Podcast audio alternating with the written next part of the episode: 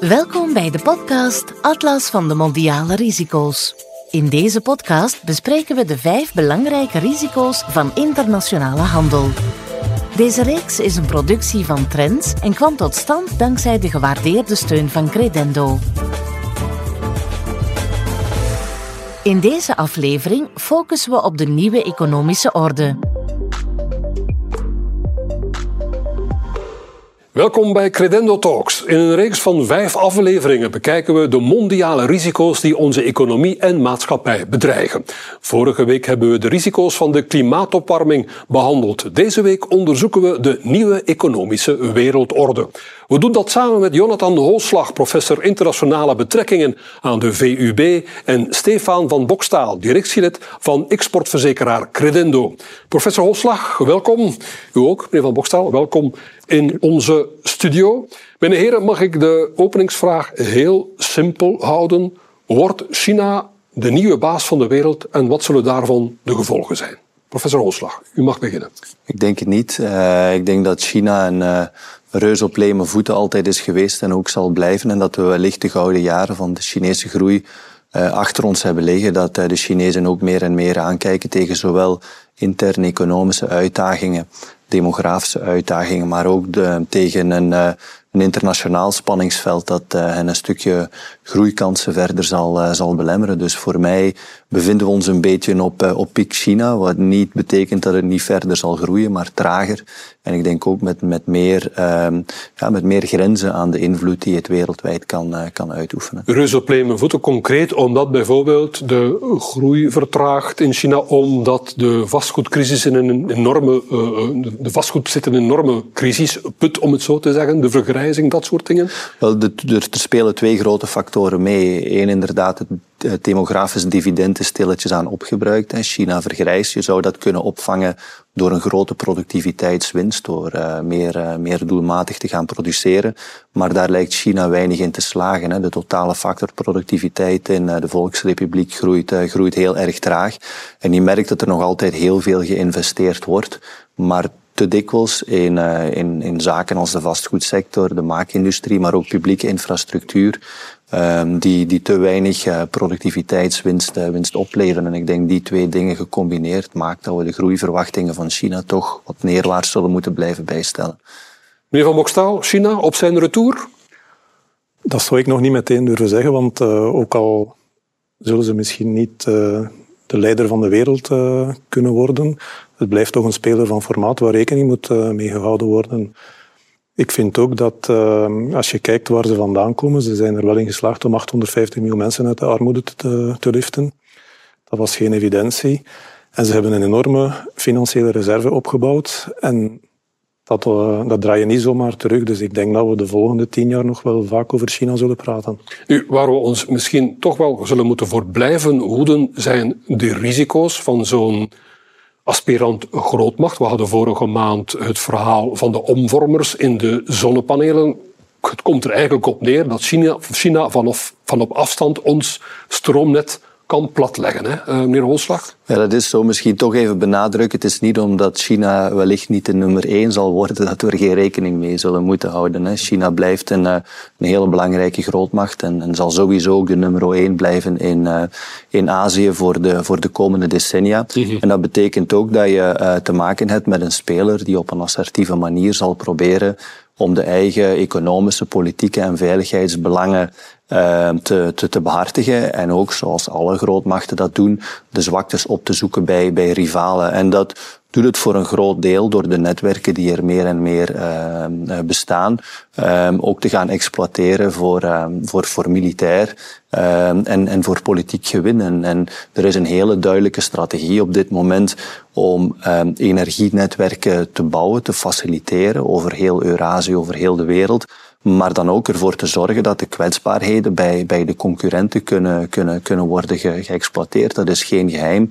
China heeft een andere ook een strategie van totale oorlog, waarin zwart op wit staat dat um, ja, als er bij de, bij de vijand uh, kwetsbare plekken zijn in de netwerken, dat die moeten, uh, moeten worden uh, uitgebaat om ervoor te zorgen dat de bevolking ten tijde van crisis compleet in paniek schiet en uiteindelijk bij de overheid gaat aandringen op concessies ten aanzien van de Volksrepubliek. Dus je moet die veiligheidsdimensie altijd, altijd meenemen. Ja. ja. Wordt dat het nieuwe normaal, dat soort risico's, meneer Van Bokstaal? Die risico's die komen bovenop de reeds bestaande risico's van de marktdominantie en de dumpingpraktijken die de Chinezen toch wel al eh, een paar keer tentoon hebben gespreid. Uh, recent uh, een sector die niet zozeer in het vizier loopt, citroenzuur, maar de markt wordt eigenlijk volledig gebradeerd door Chinese producenten en onze Europese producenten die gaan er onderdoor op een veel ruimere schaal. En dat heeft toen toch wel heel wat meer rugbaarheid gekregen. Hebben we in 2015 gezien dat China de Hanse wereldmarkt heeft overspoeld met goedkoop staal. Nu, waarom is dat gebeurd? Omdat, kijk, dat is sluipend uh, kunnen, kunnen ontstaan. Maar China was verantwoordelijk voor meer dan de helft van de wereldstaalproductie. Mhm. Tot op een bepaald moment die lokale vraag naar infrastructuur een beetje aan het slabakken was. Maar die fabrieken die staan er wel. En dan zat de Chinese leiding tussen hamer en aanbeeld want die fabrieken waren natuurlijk grotendeels gefinancierd door Chinese banken. En ofwel ga je de banken pijn doen, ofwel ga je de bevolking pijn doen. Wat hebben zij dan uh, uiteindelijk beslist, als ik het zo mag noemen? Ze hebben gewoon al dat staal laten produceren en ze hebben het wereldwijd gedumpt. En dat heeft ons economisch zeer veel pijn gedaan toen. Ja, maar... En dat zal volgens mij meer en meer gebeuren. En daar komen nu nog nieuwe risico's. Zoals hetgeen dat daarnet uh, werd aangehaald. Uh, ja, die, die netwerkvulnerabiliteit, daar gaan we rekening moeten mee houden. Nu, die was er sowieso al in het domein van de cyberrisico's. En ik denk niet dat we daar enkel en alleen naar China mogen kijken. Uh, we zijn ook kwetsbaar voor technologieën die uit de Verenigde Staten komen. Ja, moeten we ook rekening mee houden. U vermeldde al de dumpingpraktijken van China op onze markt. De Europese Unie heeft nu wel afweermechanismen allerlei afweermechanismen uh, voorgesteld. Ik denk ook bijvoorbeeld ook aan de screening van buitenlandse investeringen in Europa, lees Chinese investeringen. Maar zal het niet als gevolg hebben dat ja, de economische stromen die er vroeger waren in de tijden van de globalisering, van de ongeremde globalisering, dat die economische stromen zullen haperen? En ja, daar volgen ook wel ja, uh, risico's uit. Hè? Dat zou kunnen. Um, Kijk, volgens iedere eerstejaarsstudent economie die weet dat uh, normaal gezien landen zich specialiseren in waar ze goed in zijn en dat 1 plus 1 dan 3 wordt. Dat is de wet van de comparatieve voordelen. Mm -hmm. En die staat al uh, enkele jaren fix op de helling nu. Als je naar die theorie kijkt, ja, er, het is niet enkel wat ik daarnet heb gezegd, maar er zijn altijd wel kanttekeningen bij te maken. Maar de wereld was na um, de bipolaire situatie tussen de Sovjet-Unie en de Verenigde Staten toch goed op weg om heel verregaand te globaliseren. Daar hebben we allemaal de vruchten van geplukt in termen van hogere welvaart. En dat proces zie je nu toch uh, langzaam maar zeker teruggedraaid worden. Ja, ik geef het mee. Uh, World Economic Outlook van het IMF, de recente World Economic Outlook. Fragmentatie van de wereldhandel kan ons 7% van het wereldwijde bruto uh, product kosten. professor Holslag, gelooft u in friend shoring, alleen handel drijven met landen die onze waarden delen? Kijk, ik denk dat je eerst en vooral niet te naïef moet zijn over die 30 jaar van globalisering die we achter ons hebben liggen. Het is inderdaad zo dat die globalisering heel veel baten heeft opgeleverd, maar heel veel groeilanden zijn er altijd van uitgegaan dat globalisering een middel is en geen doel. Het doel van handel drijven voor de meeste landen is het eh, vergroten van, van nationale macht en het vergroten van een invloed. Wij hebben ons daar vanuit het rijke Westen en vooral vanuit het rijke Europa nogal op miskeken en ervan uitgegaan dat zij daar door eigenlijk uh, trouw en loyaal zouden blijven aan die, aan die globalisering. Nu worden we gedwongen zelf ook om, om in het reinen te komen met dat economische nationalisme van andere spelers, ook van onder andere de Verenigde Staten. Mm um, en dat betekent dus dat we zullen moeten nadenken over hoe we omgaan met onze eigen belangen. Ik denk in eerste instantie dat er zich een imperatief opdringt om in Europa zelf terug uh, een stukje te gaan herindustrialiseren op een duurzame en, en, en productieve wijze. En dan ook kansen te uh, delen met landen in ons nabuurschap. We zien dat ons nabuurschap in brand staat. Noord-Afrika wordt heel erg onstabiel. We zullen een enorme last dragen van de wederopbouw in, uh, in Oekraïne. En daardoor denk ik, niet alleen omwille van China, maar vooral door die geopolitieke realiteit, dat het heel erg zinvol is om, uh, om een stuk van de productie terug te halen naar landen rondom Europa. Om zo bij te dragen aan onze eigen veiligheid. Je kunt naar economie uh, kijken vanuit, um, vanuit het handboek van, uh, van Adam Smith als een free trader. Maar ik denk ook dat je naar economie moet kijken vanuit de bredere maatschappelijke en politieke belangen. En het is dat juiste evenwicht tussen die twee um, die zal bepalen of je als, als staat, als samenleving overleeft in een, in een turbulente competitieve wereld of niet. Ja, als ik professor Holslag goed versta, meneer Van Bokstaal, dan pleit hij eigenlijk voor een, uh, een, een Europa als een economische leider in de wereld. Ja. Is dat haalbaar? Ik vrees dat uh, dat op dit moment niet meer haalbaar is, omdat uh, Europa heeft gewoon ook niet alles voorhanden. We hebben nu eenmaal grondstoffen, kritieke grondstoffen nodig, die in Europa niet ja. en het ironische is, veel van die kritische, kritische grondstoffen zijn in handen van, van China onrechtstreeks wel, maar daar kan nog een mouw aan gepast worden volgens mij. Maar dan ga je in een wedloop terechtkomen tussen de, de grote handelsblokken, want u heeft Noord-Afrika aangehaald, maar kijk, uh, als je bepaalde grondstoffen zitten uh, grotendeels in de Democratische Republiek Congo, andere zitten in Indonesië, andere zitten in Latijns-Amerika, Chili voor lithium bijvoorbeeld dan ga je in een wedloop terechtkomen. En die is nu al aan de gang hoor. Maar op dit moment zijn die productieketens nog op een bepaalde manier, een geglobaliseerde manier, georganiseerd. Als we dat allemaal gaan terugdraaien. Kijk, dan u heeft het cijfer geciteerd van de IMF-outlook. Uh, maar um, dat gaat gewoon het leven een pak duurder maken. En er komen nog andere uitdagingen op ons af die een bepaalde kostprijs met zich meebrengen. Klimaatverandering bijvoorbeeld. Dus dat komt er allemaal bovenop. Ik vind dat dit een evolutie is die we eigenlijk zouden moeten betreuren. Maar goed, uh, nee, ik begrijp wat de professor zegt en ik ben het ermee eens. De Europese Commissie heeft um, ambitie, geopolitieke ambities, professor Holslag. Maar u ziet, Europa blijft kwetsbaar. Het gaat over die kritieke grondstoffen.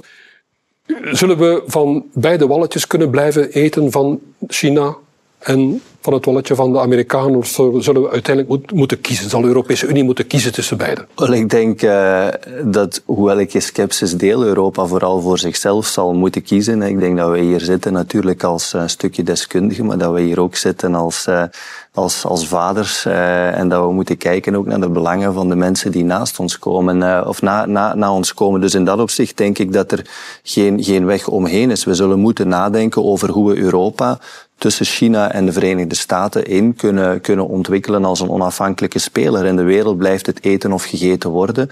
Als we daar geo-economisch niet in slagen, dan zullen de gevolgen navenant zijn. En opnieuw, ik deel de analyse dat het heel lastig zal zijn om uh, na, na 20 tot 30 jaar um, ja, te laks beleid uh, dingen hier in Europa um, um, opnieuw op te bouwen.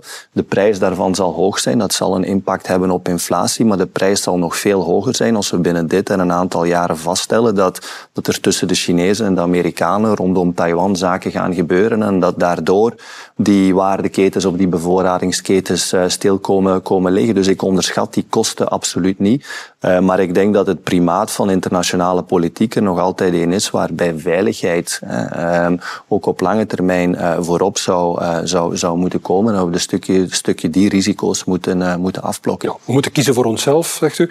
En zeker als Donald Trump straks weer president wordt van de Verenigde Staten, kunnen we misschien niet anders. Maar intussen is er ook het bedrijfsleven. Ja. Mijn heren, de Verenigde Staten zetten westerse bedrijven onder druk omheen. Uh, um, high-tech uit te voeren, gevoelige high-tech uit te voeren naar China. Ik denk bijvoorbeeld aan de, uh, de halfgeleiderreus Nvidia, maar ook aan de Nederlandse uh, halfgeleidermachinefabrikant ASML. Um, ja, je bent daar een bedrijf, meneer Van Bokstaal. Je, hebt, je ziet daar een beloftevolle exportmarkt als China. En dan word je onder druk gezet, politiek onder druk gezet, om niet uit te voeren naar, uh, naar China. Daar sta je dan daar als bedrijf. Ja, en de Verenigde Staten die hebben nu eenmaal die macht, omdat uh, het gros van de wereldhandel die wordt nog altijd afgewikkeld in US dollar. En een bedrijf in Europa kan het zich nu eenmaal niet permitteren om daar tegenin te gaan. Dus voor de toekomst ziet het er dan wel benard uit voor een bedrijf zoals ASML. Voor het verleden, de lopende transacties, die zullen normaal gezien nog wel correct afgewikkeld kunnen worden, alhoewel je daar in het recente verleden ook tegenvoorbeelden van kan aanhalen. -hmm. Um, toen Rusland Oekraïne is binnengevallen, zijn er heel veel sancties opgelegd geweest. In normale omstandigheden is er altijd een transitieperiode. Die was er voor bepaalde sancties niet. En dat heeft onder andere bij Credendo als kredietverzekeraar wel wat schade dossiers teweeggebracht. Mhm. Ja. En daar zie je dat het wel, het spel wordt dan, als ik het zo mag, uh, mag, mag benoemen, het spel wordt wel brutaler gespeeld dan, dan, dan vroeger. Ja, dus ik mag zeggen, Rusland, de oorlog in Oekraïne heeft Credendo geld gekost. Zal China uh, Credendo, of de spanningen tussen VS en uh, China, zal dat ook geld kosten voor Credendo? Ziet u dat nu dat al zou gebeuren? Kunnen, nu, die, die, die, die, al, die schade op algemeen vlak, dat valt nogal mee. Maar uh, er zijn wel een aantal schadedossiers geweest, maar het is niet dat, uh, dat er zodanig veel claims zijn neergelegd bij kredietverzekeraars dat dat de markt ontwricht heeft. Maar er zijn een paar individuele gevallen geweest. Nu, dat is ook de doelstelling van een kredietverzekering. Je, je, je gaat daar een beetje collectiviseren, mutualiseren. En uh, dat zijn catastroferisico's waar exporteurs zich voor laten indekken. Um, als dat in, uh, in China opnieuw zou gebeuren, dan zou je een gelijkaardig scenario kunnen verwachten. Um, er zullen bedrijven getroffen worden. Degenen die een kredietverzekering hebben, uh, hebben genomen, die zullen dan vergoed worden voor de schade. Degenen die dan niet, want het is geen verplichte verzekering uiteraard, die zullen op de blaren zitten dan. Ja. Maar um, het is wel zo dat op vandaag voor de Europese exporteurs en voor de Belgische exporteurs China nog altijd een positief verhaal is in termen van handelsstromen, in termen van, uh, van de resultaten uh, die daar tegenover staan. Ja, u ziet de handelsstromen, de export naar China niet verminderen, zeker niet vanuit België. Nee, in tegendeel zelfs, maar dat heeft dan meer te maken met een bepaalde niche in de markt. Uh, van de, um, ja, er is een enorme boom in de verkoop van elektrische voertuigen en de de belangrijkste producenten van uh, batterijen voor elektrische voertuigen die staan in China. Ja. Dus dat zijn heel vaak uh, filialen van westerse multinationals die zich daar zijn gaan vestigen, omdat het economisch uh, zinvoller is om het daar te doen. Dat is geen hoogtechnologisch productieproces, dus dat kan beter daar gebeuren. Maar dat brengt dan wel met zich mee dat de lithiumstromen bijvoorbeeld ja. allemaal richting China gaan. En België is heel sterk in logistiek. We hebben een aantal spelers die in staat zijn om dat lithium van Chili naar China te brengen. En daar zien we dat er dan een graantje meegepikt wordt van, uh, vanuit de Belgische exportzijde. Ja. Er zijn dan toch weer kansen um, voor, um, voor Belgische bedrijven, ook in dit uh, in verhaal. Nu, um, we zijn hier nu bezig geweest over uh, de Verenigde Staten, over China en over Europa. Maar misschien zijn bijna ongemerkt andere topspelers aan het opkomen, professor Olslag. Ik denk bijvoorbeeld aan een land als India, dat nu al meer inwoners stelt dan China. Ja. Um, ik denk dat India een land is met on onvoorstelbaar veel potentieel, maar dat India ook een land is op een, uh, op een kantelpunt. Hè. De huidige regering onder leiding van de uh, van de BJP-partij uh, probeert effectief meer en meer internationale investeerders aan te trekken. Zeker om de infrastructuur te verbeteren. Ook om een begin te maken aan uh, het ontwikkelen van de maakindustrie. Want die is in, in India nog altijd acht keer kleiner dan die, dan die in China. Maar we zien dat eigenlijk de, de grote buitenlandse investeerders heel erg aarzelend blijven. Zelfs als we de voorbije twee jaar bekijken, hebben ook Amerikaanse, Japanse bedrijven nog steeds meer in China geïnvesteerd in de maakindustrie dan uh, dan in India. Dus India doet twijfelen. Dat heeft te maken met een stuk achterstand hè, die het heeft, uh, heeft geboekt op, op de Volksrepubliek China. maar ook door het feit dat ja, die nieuwe Indische overheid heel erg ja, wispelturig is. weinig, weinig standvastig. je worstelt daar met veel protectionisme. om te beginnen economisch protectionisme, hindoe-nationalisme, dat toch wel heel veel grote bedrijven de wenkbrauwen doet, doet, doet fronsen. Uh, en vooral ook toch um, heel veel um, interne onstabiliteit. Hè. Je hebt grote stukken van India waar, uh, waar, waar, waar toch nog altijd uh, veel, um, veel, veel, veel geweld en sociale onrust heerst. Dus ik, ik, ik denk dat de, de markten nog altijd aarzelend staan ten opzichte van India, of schoon het potentieel daar natuurlijk zeker en vast wel, wel, wel is. Ja. India doet mij denken aan de landen in het uh, zuidelijk halfrond. En ik heb toch de indruk dat China zo een beetje probeert zich op te werpen als de leider van de landen in het zuidelijk halfrond. Uh, niet toevallig omdat dat zuidelijk halfrond uh, vele kritieke grondstoffen, interessante grondstoffen en ook een grote bevolkings uh, groei heeft. Um, gaat het Westen zijn invloed daar in het zuidelijk halfrond verliezen? Ik denk bijvoorbeeld ook aan Afrika, de strijd om Afrika, waar de China nu al heel prominent aanwezig is. Ja, de, de realiteit is eigenlijk heel, heel eenvoudig, zoals u ook um, net verwoordde. Uiteindelijk laten wij in de globale waardeketens onze industrie uh, aan China schieten. China uh, blijft nog altijd de positie verstevigen in, in, in heel veel belangrijke verwerkende industrieën, ook van, uh, van verschillende grondstoffen. En daardoor geldt het natuurlijk dat de Chinezen zich inplanten in strategische sectoren zoals de mijnbouw, zoals de energieontginning, in Afrika, in Zuid-Azië, in Zuid, uh, Zuidoost-Azië. Dus ik denk ook hier is het een, een voorwaarde dat als wij in Europa opnieuw onze invloed willen doen gelden in een continent dat binnenkort ook naar de 4, miljard mensen gaat, mm. dat wij een stukje die, die waardeketens op een duurzamere manier uh, gaan, gaan, gaan opbouwen en die landen, zoals bijvoorbeeld de Democratische Republiek Congo, daar ook op een wat andere, meer gesofisticeerde manier in, in gaan betrekken dan, dan de Chinezen de afgelopen jaren. Ik denk ook dat de Chinese politiek ten aanzien van het, het, het, het um, globale zuiden wel met meer en meer tegenwind kampt. Oké, okay, af en toe heb je dan een brikstop, uh, maar je ziet ook dat voor de Belt and Road Initiative nu zelfs Afrikaanse landen zich vragen beginnen stellen over uh, de wenselijkheid en de haalbaarheid van, uh, van heel veel van die met krediet gefinancierde projecten. En ik denk dat we daar een, een, kans hebben met Europa en de westerse wereld. Maar de voorwaarde is natuurlijk dat we een, een globaal verhaal um, uitbouwen en ontwikkelen, waarbij we productiviteit koppelen aan duurzaamheid en ook een aantal strategische belangen. En dat hoeft niet noodzakelijk te leiden tot, tot een wereldwijde ontkoppeling of, of een deglobalisering, maar je krijgt um, ja, een stukje een verschuiving waarbij Europa een, een, een pool blijft en niet alleen een randverschijnsel van de Amerikanen en de Chinezen. Meneer Van Bokstal, kan Europa het zuidelijk halfrond herwinnen? Inclusief Afrika? Het ziet er op dit moment niet zo gunstig uit, maar ik deel wel de mening van professor Holslag. Um, ik zal het misschien een beetje uh, anders verwoorden, maar er ontstaat af en toe toch ook wel enige aversie tegen de praktijken van, uh, van China. Die landen, Afrikaanse landen en andere landen zuidelijk afrond in de schulden steekt via leningen voor grote infrastructuurwerken in het kader van de Belt and Road Initiatief, zoals professor Olslag al heeft vernoemd. En zelfs uh, los van grote infrastructuurwerken, China werpt zich af en toe al eens uh, op als een alternatief voor uh, multilaterale instellingen zoals het IMF. Ja.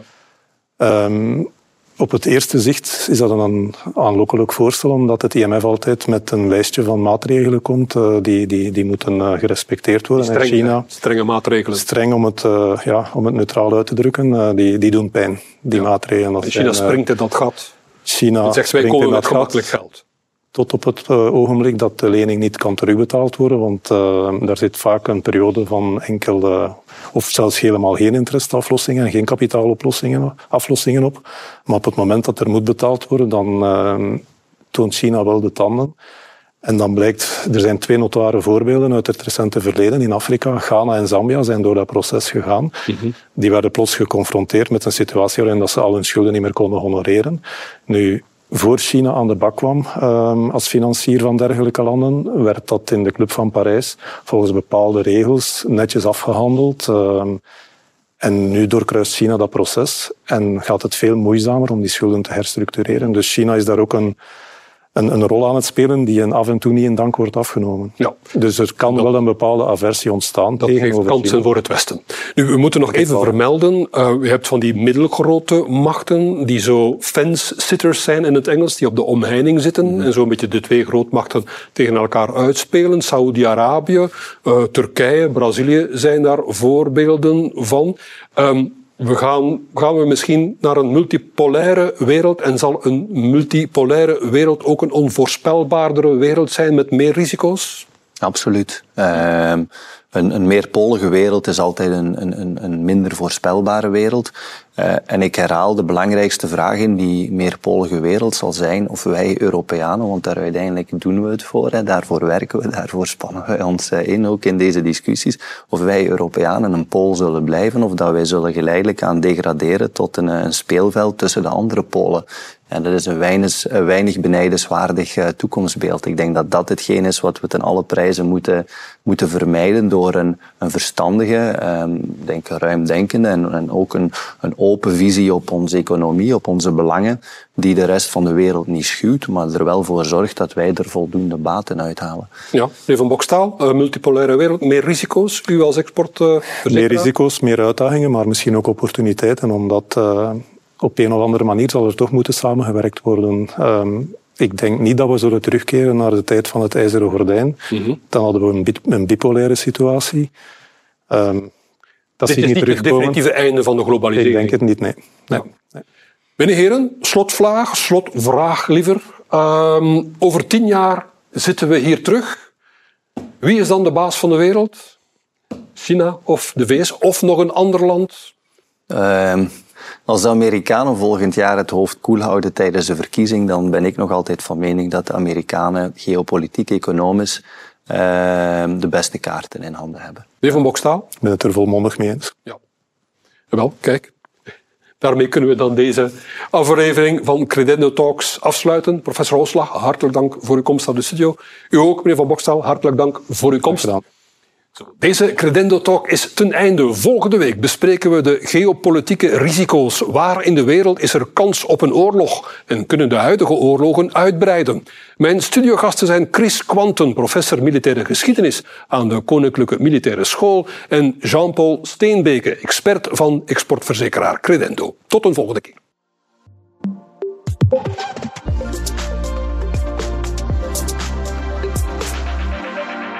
U luisterde naar de podcast De Atlas van de Mondiale Risico's. Deze podcast kwam tot stand dankzij de gewaardeerde steun van Credendo.